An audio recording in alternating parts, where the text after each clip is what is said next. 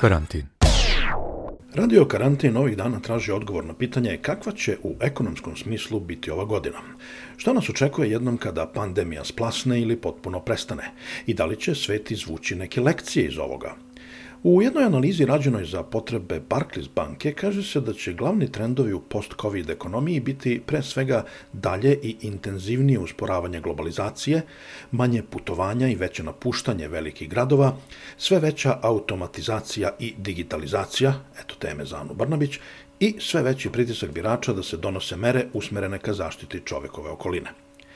Ja sam Aleksandar Kocić, a moj današnji gost je profesor ekonomije u Wiesbadenu u Nemačkoj, Raša Karapandža, sa kojim razgovaramo o postpandemijskom svetu, odgovoru Evropske unije na pandemiju i posljedicama ekonomske krize u samoj Uniji na zemlje u njenom okruženju.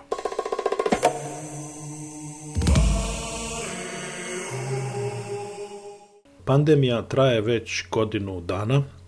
E, kako biste vi e, sumirali efekte pandemije na globalnu ekonomiju? Pa efekata je mnogo. Mm, društveni proizvod je opao manje više svugde u svetu. Lanci distribucije u proizvodnji su drastično mm, promenjeni.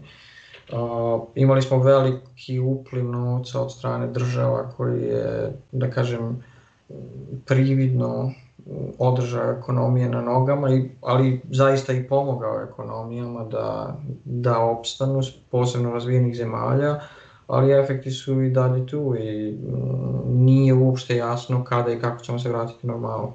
Čak i, i sada kada vidimo da vakcina dolazi, potpuno nejasno kada ćemo mi biti natrag u normali. Mislim, mnogi, realno, mnogi ljudi su ostali bez poslova, po, početi samo od avio kompanije. Za koje sektore možemo da su, kažemo, da su najveći gubitnici, a za koje da su eventualno dobitnici u ovoj pandemiji? To je dosta teško pitanje. Voleo bih kad bih mogao da pokažem jednostavno jedan grafikon i tu ono što smo videli je da na početku epidemije najveći dobitnici su bili ajde kažem, veliki lanci distribucije i dostavljanja i prodaje online, tipa Amazon i, i slični, dok su neke industrije bile na početku žestoko pogođene. Sad je to krenulo da se oporavlja i mi vidimo donekle neki reversal, ali taj reversal nije potpuno, znači ne vraćamo se mi u onu situaciju u kojoj smo nekada u potpunosti bili, ali vidi se da se industrije koje su bile pogođene mnogo jače oporavljaju, a neke još uvek su daleko od toga, od turizma, aviokompanija koje su ubedljivo naj, najviše pogođene, a ubedljivo najgora situacija je da se ja u stvari najviše bojim društvenih nemira, to su siromašne zemlje koje se jako oslanjaju na turizam.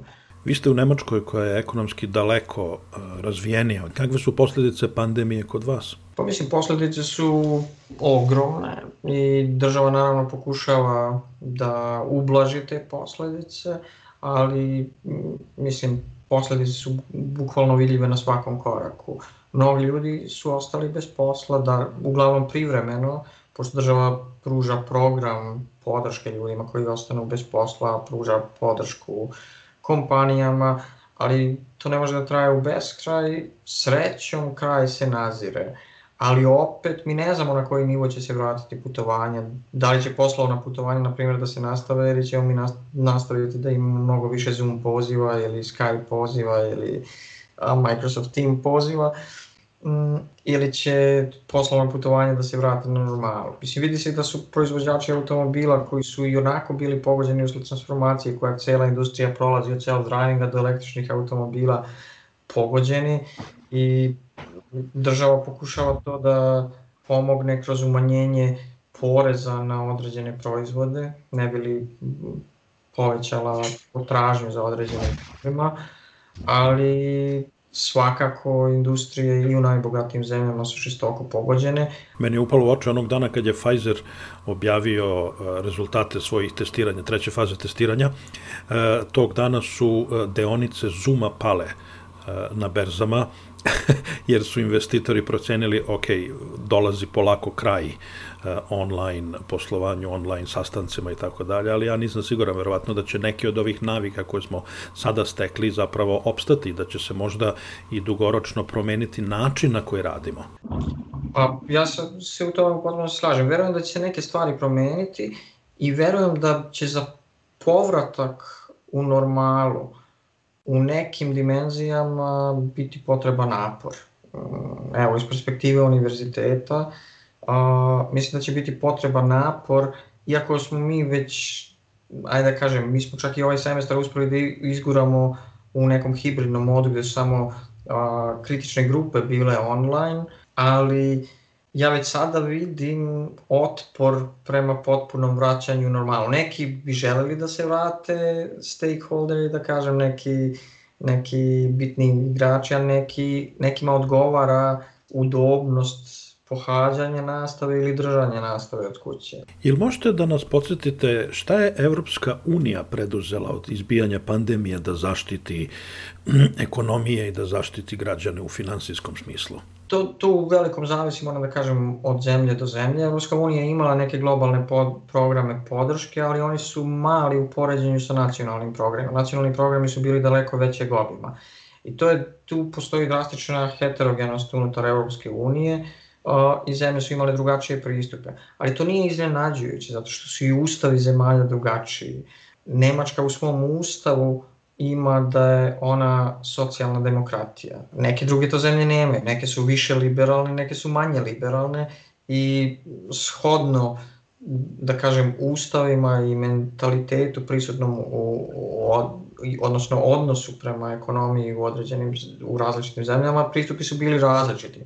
Glavni metodi podrške su bili podrška nezaposlenima, onima koji su direktno pogođeni gubitkom posla i pokušaj posticanja rasta potrošnje kroz poreske olakšice. Znači ono što mislim da je jako bitno, da ne radi se samo o ekonomskim posticajima, da bi ekonomija funkcionisala. Ja mislim da je iluzorno govoriti da će samo ekonomski posticaj. Mislim da je prvi korak je kontrola epidemije držanje epidemije na nivou sa kojim je moguće živeti. A koji, sa kojim nivoom je moguće živeti određeno je generalno kroz dva faktora. Jedan je kapacitet medicinskog sistema, a drugi faktor su neke društvene prilike i način života u određenim zemljama.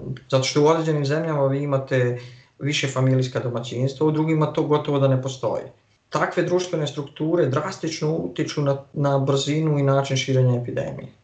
I onda je u jednim zemljama moguće imati relaksiranije mere i relativno normalan život bez eksplozije epidemije, na način na koji medicinski sistem to može da drži kontrol, pod kontrolom. U drugim zemljama to jednostavno nije moguće. I onda su potrebne mnogo strože mere i, i ispuštanje epidemije na nivo gde ga je gde je sa njim moguće živeti, ali da kažem, povremeno veoma stroge mere su potrebne. Te razlike su dosta bile ispolitizovane, bar u prvom krugu pandemije, u prvom talasu pandemije, kada je u Evropskoj uniji došlo do velikih nesuglasica oko toga kako organizovati ekonomsku pomoć za sve zemlje, odnosno pre svega za one najugroženije, pa smo videli kako su, na primer, Holandjani i Skandinavci insistirali da se zemljama kao što Italija, Španija, Grčka ne daje pomoć, nego da im se daju krediti praktično. Na kraju je nađeno neko kompromisno rešenje kako to obično biva u Evropskoj uniji. Sada imamo sličnu situaciju sa ovim prepucavanjima oko budžeta, gde se praktički e, uslovljava poštovanje e, vladavine prava e, na koje ne pristaju zemlje kao što su Mađarska i Poljska. Znači opet, opet je ekonomija podređena na neki način politici, ili uslovljena politikom. Da li vi mislite da ova pandemija e, dovodi u pitanje to političko jedinstvo u Evropskoj uniji, kao što je prethodno to radila migrantska kriza? Ja mislim da Evropa nije naučila jedan veliki, jednu veliku lekciju koju je Amerika proživjela krajem 18. početkom 19. veka. Tada je Amerika bila u sličnoj situaciji, gde ste imali drastičnu podelu između severa i juga, gde je jug bio ekonomski veoma jak bez duga, dok je sever, znači obrnuta situacija nego u Evropi, dok je sever bio veoma zadužen. A, objašnjenje za to je jednostavno zato što je jug imao besplatnu radnu snagu u obliku, u obliku robova. I onda je prvi, zaista ne znam više kako se to prevodi, ajde da kažem najbliže ministar financija, treasury secretary, Aleksandar Hamilton, je organizovao jedan tajni sastanak sa Thomasom Jeffersonom i još dvojicom ljudi, gde su oni u, se sastali u jednoj sobi i napravili su tajni dil, a taj tajni dil je uključivao federalizaciju duga, gde bi se dug a, američkih država federalizovao i prebacio na, na nivo zajednice država. I to je dovelo do neverovatnog ekonomskog rasta i neverovatnog tržišta rasta obveznica Amerike i omogućilo Americi da se zaduži mnogo jeftinije i u mnogo većoj meri i to je bio jedan od okidača razvoja Amerike početkom 19. veka. To je bilo neprihvatljivo u, da kažem, među običnim ljudima. Da bi do toga došlo, oni su bukvalno morali da organizuju tajni sastanak i da naprave deal u kome je jug, da bi pristao na to, dobio preseljenje glavnog grada Amerike iz Njujorka u Washington DC koji je tada bio na jugu. Tada je Amerika bila znatno manja nego danas, ali Washington DC je pripadao, pripadao jugu. I takav dogovor je nemoguće bilo napraviti uz, konse, uz konsenzus populacije, pošto populacija, da kažem, građanstvo Amerike tada nije bilo u stanju da pojmi do kolikog ekonomskog rasta tak, takvo monetarno jedinstvo može da dovede. Ja mislim da, da, da mi trenutno smo gde je Amerika bila početkom 19. veka, kao Evropa. I mislim da ne razumemo istorijski moment u kome se nalazimo, uh, u smislu da ekonomija eurozone, da kažem, uključujući Veliku Britaniju, iako sad ne znam da li je to baš ispravno uključivati ili ne, je veća od Amerike, američke ekonomije, je veća od ekonomije Kine, gotovo da je zanemariv igrač i na tržištu javnog duga i po ekonomskom uticaju i sve zbog manjka jedinstva. Vi kad pogledate kolika je količina američkih obveznica u opticaju, znači američki dug koji, koji Sjedinjene američke države mogu da pozajme po zanemarivim kamatnim stopama trenutno, bliskim nuli, prevazilazi višestruko ukupnu svetsku proizvodnju nafte. Ali znate šta su neke naftom bogate zemlje uspele da izgrade sa prihodom od nafte. Znači to je, to je neverovatan potencijal za razvoj koji Evropa u stvari ima na raspolaganju koji ne koristi. Znači mi smo drastično veća, mislim, nismo drastično, ajde da kažem, i nešto veći je ekonomski potencijal Evrope u poređenju sa, sa Amerikom, nešto veći čak i od Kine, ali sposobnost zaduživanja po jeftinim kamatnim stopama je možda i morao da izračunam, ali više od 10, ako ne i 100 puta manje od Amerike. Po likvidnosti znatno, čak i znatno više. Mislim da, da u Evropi uopšte ne postoji svest da bi kroz jedinstvo mogli da postanemo, da kažem, ekonomska svetska ekonomska velesila, što trenutno nismo zato što smo razjedinjeni. Da li to znači da ne treba toliko da se bojimo zaduživanja, koliko možda na prvi e, pogled reagujemo kao stalno, nemoj da povećavamo dug, to neko treba posle jednog dana da vraća, ali možda je zaduživanje najbolji ili jedini način da se prevaziđe ova kriza izazvana pandemijom. Što se tiče zaduživanja i državne potrošnje, kada ćete trošiti ako ne u krizi? Znači, suština logike između toga da država treba da investira tokom krize, više nego van krize, je u tome da mi znamo da ono što je odlika čoveka, odlika ljudi je da oni vole, da kažem, glatku potrošnju. Mi svi ne volimo nagle padove u potrošnji. To nas mnogo više boli nego ako imamo glatku potrošnju. I jedan od zadataka države bi trebao da nam, da kažem, smooth consumption, da, da, da našu potrošnju učini glatkom i predvidivom.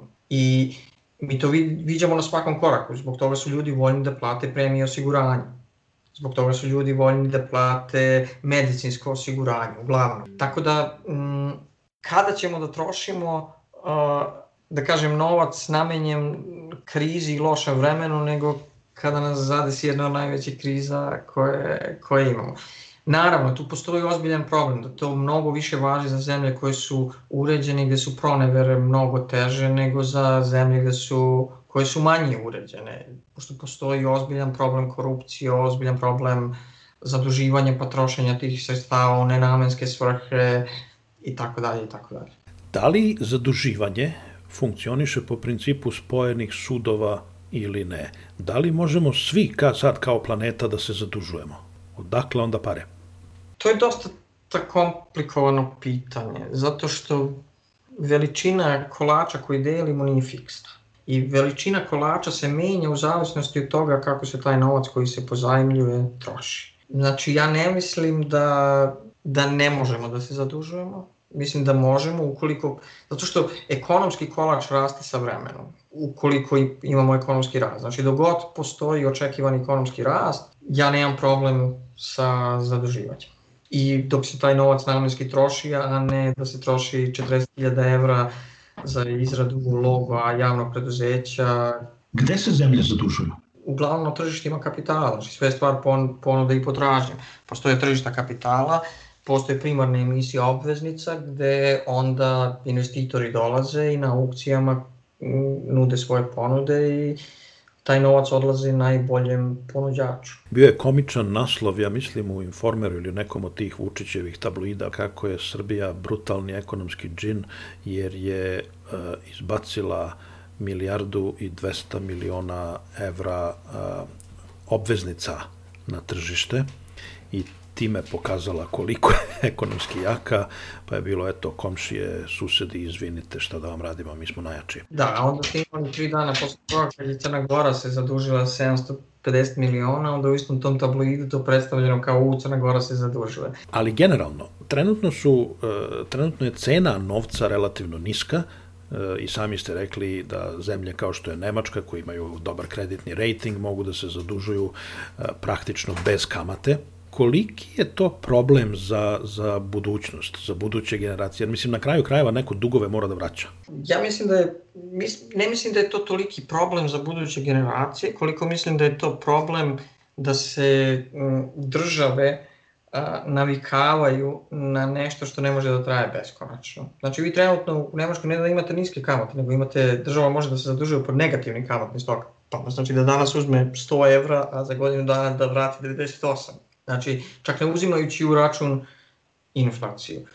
Ali moramo da, bitno je napraviti razliku između zaduživanja u sobstvenoj valuti i zaduživanja u stranoj valuti.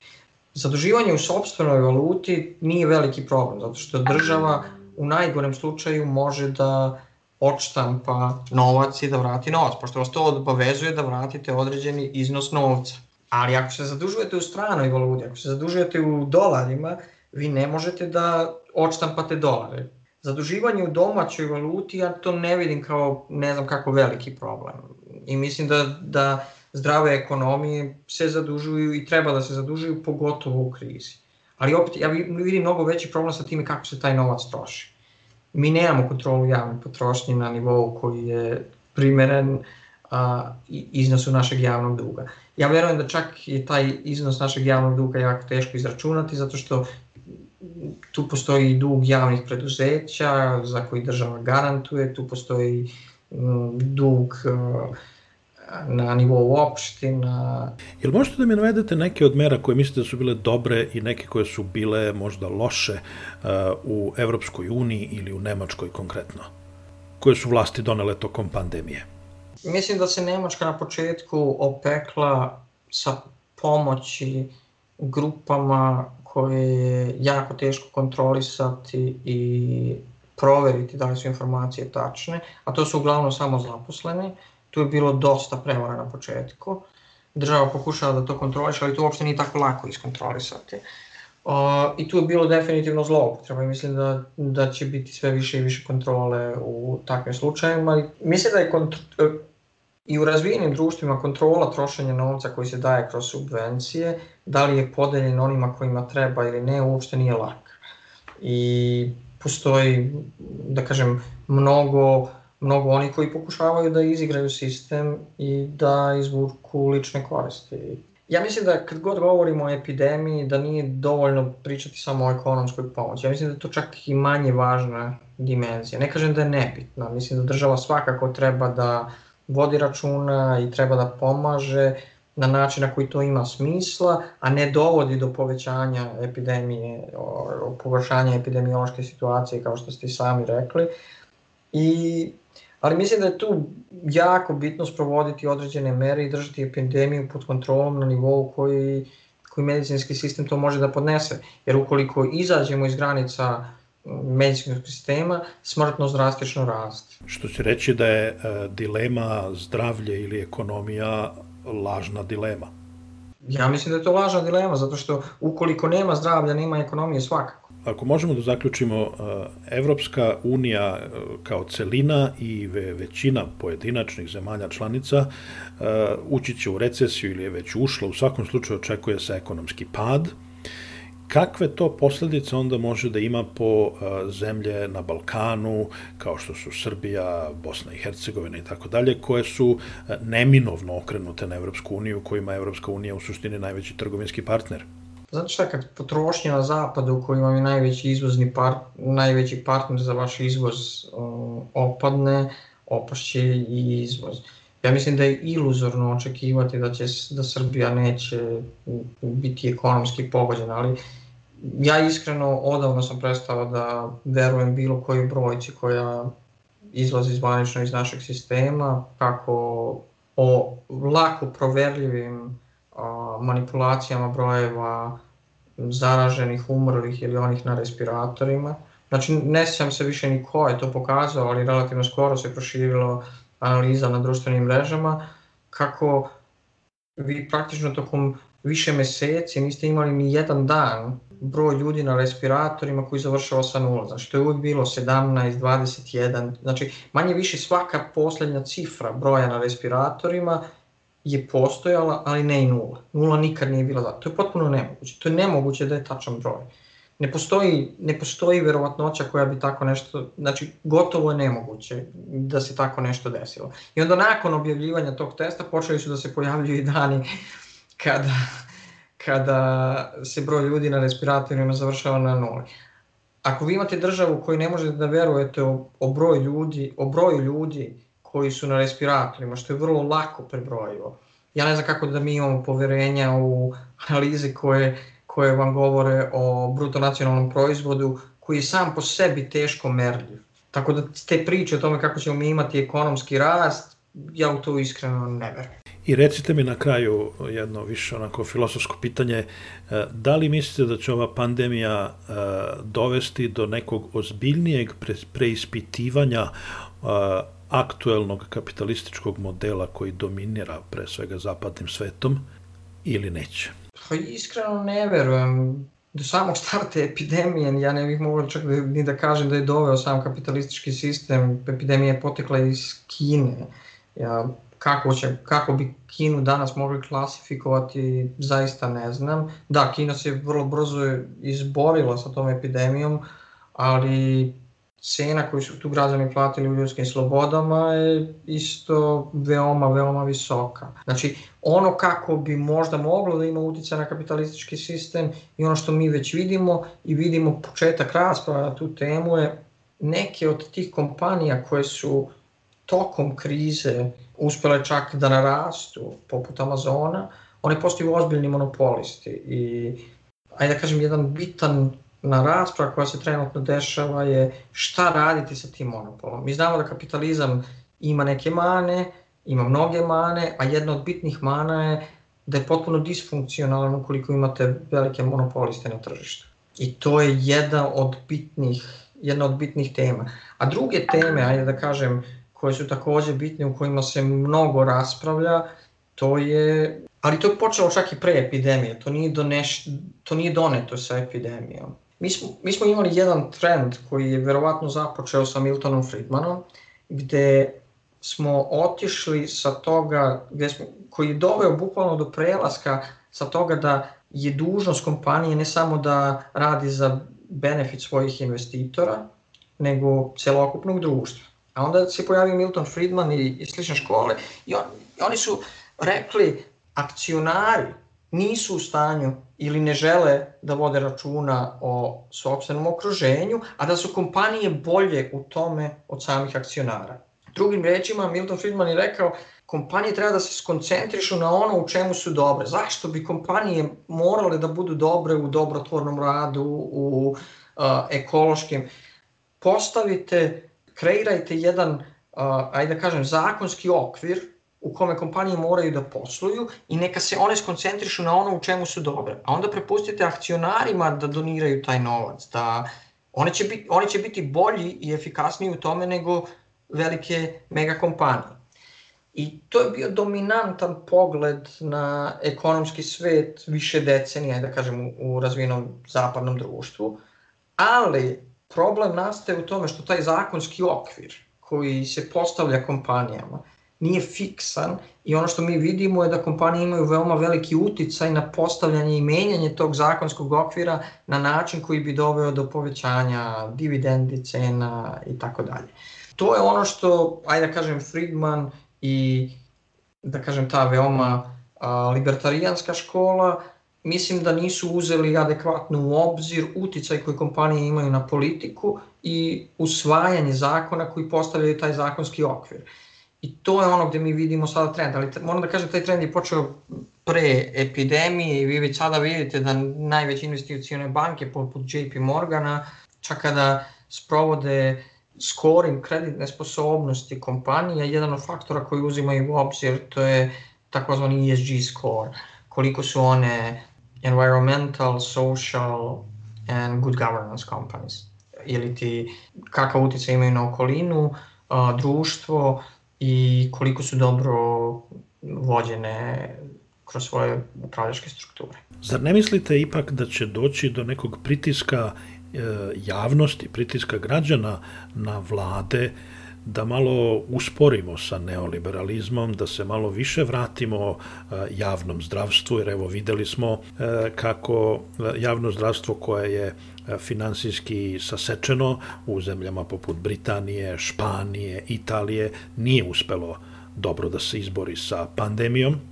S druge strane, imamo, opet se vraćam na primjer Britanije, koja je možda sasvim drugačija od, ne znam, skandinavskih zemalja, gde država, ne, gde je ona, kako se zove, država blagostanja mnogo manja i slabija i sad je odigrala veliku ulogu u ovoj pandemiji i spasila mnoge ljude, to će biti teško posle ukinuti, ugasiti. Ljudi će kažu čekaj, stani, ovo je dobro, daj da zadržimo. Kako društva postaju bogatija, tako društvena uređenja mogu da se menjaju više na jednu ili na drugu stranu. I ja ne sumnjam, ali da kažem opet, ne mislim da je to trend koji pokrenut ekonomijom. Vi ste imali u veoma liberalnim zemljama poput Holandije već eksperimente sa sa nekim vrstama bazičnog prihoda koji, na koji bi svaki građanin imao pravo. Znači ja ne mislim da mi ne idemo u tom pravcu, daleko toga. Zaista mislim da se krećemo u tom pravcu i ne vidim tu ništa loše, ne vidim, mislim da je to shodan korak našem društveno-ekonomskom razvoju, jer sa porastom produktivnosti mi možemo tako nešto da priuštimo. Ajde da kažem ovako, ekonomija generalno i ekonomski modeli i principi bi bili potpuno beskorisni kada bi mi živeli u svetu neograničenih resursa. Pojenta je da su resursi veoma ograničeni. I dogod su resursi ograničeni, postaja, postavljaće se pitanje na koji način ti resursi treba da se dele. I ja ne vidim da smo mi dostigli taj nivo ti resursi mogu da se dele tek tako. Mislim da živimo u nekom, ono, ajde da kažem, zapadnocentričnom mehuru, ali to, je, to nije ni trećina sveta. Mislim da tu postoje mnogo, mnogo veći problemi koji, s kojima ćemo se kao civilizacija suočavati i mislim da je jedino rešenje tih problema u stvari porast produktivnosti i da umanjenje produktivnosti na uštrb nečega drugoga nije rešenje zato što svet je mnogo veći od onoga što mi gledamo u našem zapadnom mehuru i ukoliko, ukoliko se ekonomski napredak i porast produktivnosti ne napravi, mi ćemo biti u mnogo ozbiljnijem problemu. Zamislite da se temperatura podigne za 3 stepena, pa mnogi broj zemalja će biti potpuno na stanje. Pa, pa, mislim da je potpuno iluzorno očekivati da će 800 milijardi, 800 miliona ljudi u, ajde kažem, Bangladešu čekati da umre na vrućini. Pa neće, krenuće da se kreću i imaćemo masu pomeranja.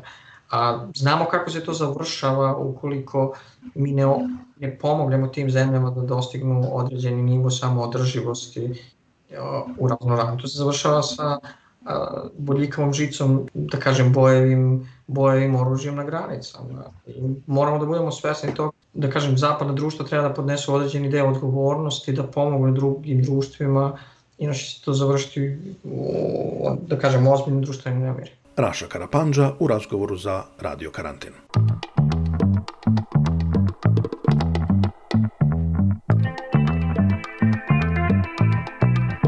Radio Karantin. I kad ste već ovde, mi bi da vas zamolimo za pomoć. Pomozite nas novčano. Svaka vaša donacija puno nam znači da pokrijemo troškove nabavke, neophodne tehnike, postavljanja podcasta, održavanja sajta i promocije. I najmanja vaša pomoć znači nam puno. Od nas ćete dobiti godišnji izveštaj o utrošenom novcu. Možete da nam pomognete jednom ili na redovnoj, nedeljnoj ili mesečnoj osnovi. Možete da nam date 1 evro, dolar, funtu, dinar ili šta vam zgodno, a može i 100. Jednostavno je i ne oduzima puno vremena. Sve informacije o tome kako da nas pomognete imate na našem web sajtu radiokarantin.eu. Hvala vam što slušate i čitate Radio Karantin i što nas podržavate.